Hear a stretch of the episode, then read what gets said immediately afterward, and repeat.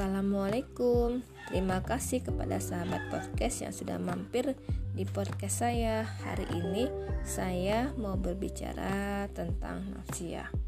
Nafsiyah bagaimana kita meyakini rezeki itu dari Allah? Ini sebagaimana dalam Quran surat Hud ayat ke-6 Allah berfirman Dan tidak ada satupun makhluk yang bergerak atau bernyawa di muka bumi, melainkan semuanya telah dijamin rezekinya oleh Allah. Dia mengetahui tempat kediaman dan tempat penyimpanan. Semua itu tertulis dalam kitab yang nyata. Sahabat, uh, tulisan ini saya ambil dari penulisnya Mutia Hanifah.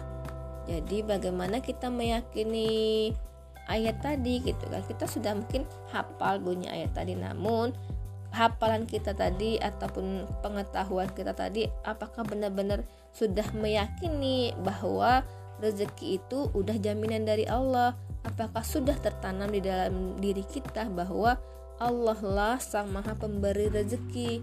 Ternyata gitu kan teori tidaklah seindah faktanya.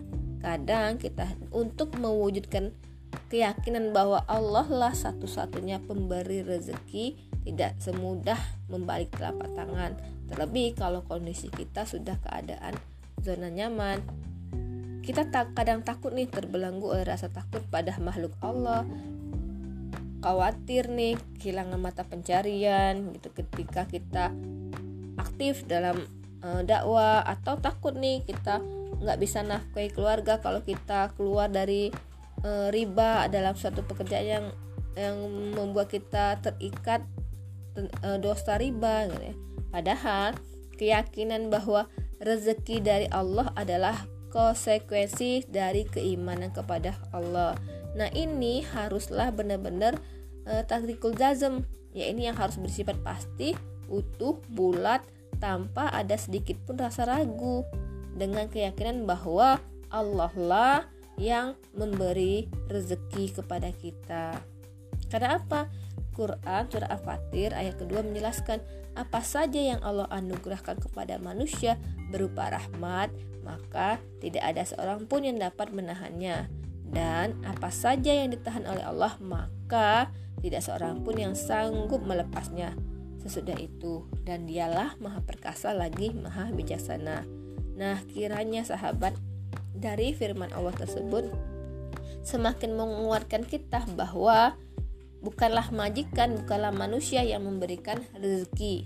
Bukan pula pemerintah, bukan pula tetangga, bukan pula bos kita, tetapi memang Allah lah yang memberikan rezeki itu kepada kitanya hingga habis jatah hidup kita di dunia. Sebagaimana eh, dalam sebuah kisah terkait hal ini diceritakan oleh Syekh Sahih Al Magamisi menceritakan seorang laki-laki yang jatuh ke dalam sumur. Ia berteriak meminta tolong. Orang-orang berhasil mengeluarkannya dari sumur dalam keadaan selamat. Seseorang menyodorkan kepadanya segelas susu lalu ia meminumnya. Orang-orang bertanya, "Bagaimana bisa Anda jatuh ke dalam sumur?" Mulailah orang itu bercerita, ia berdiri di bibir sumur untuk menceritakan kronologinya. Qadarullah ia terjatuh lagi ke dalam sumur dan meninggal. Inilah bukti bahwa Allah akan mencukupkan jatah rezeki seseorang meski hanya segelas susu. Ketika telah genap jatahnya Allah pun mencabutnya. Jelas ya dari kisah tadi bahwa ketika e, rezeki itu belum terpenuhi maka nyawa pun e, masih belum dicabut Allah. Jadi jangan pernah takut, jangan pernah ragu akan kekurangan rezeki. Semuanya dari Allah. Yakinlah Allah lah maha kaya, maha pemberi rezeki. Demikianlah sahabat nafsiyah saya. Semoga uh, kisah ini semakin menguatkan nafsiyah kita. Assalamualaikum warahmatullahi wabarakatuh.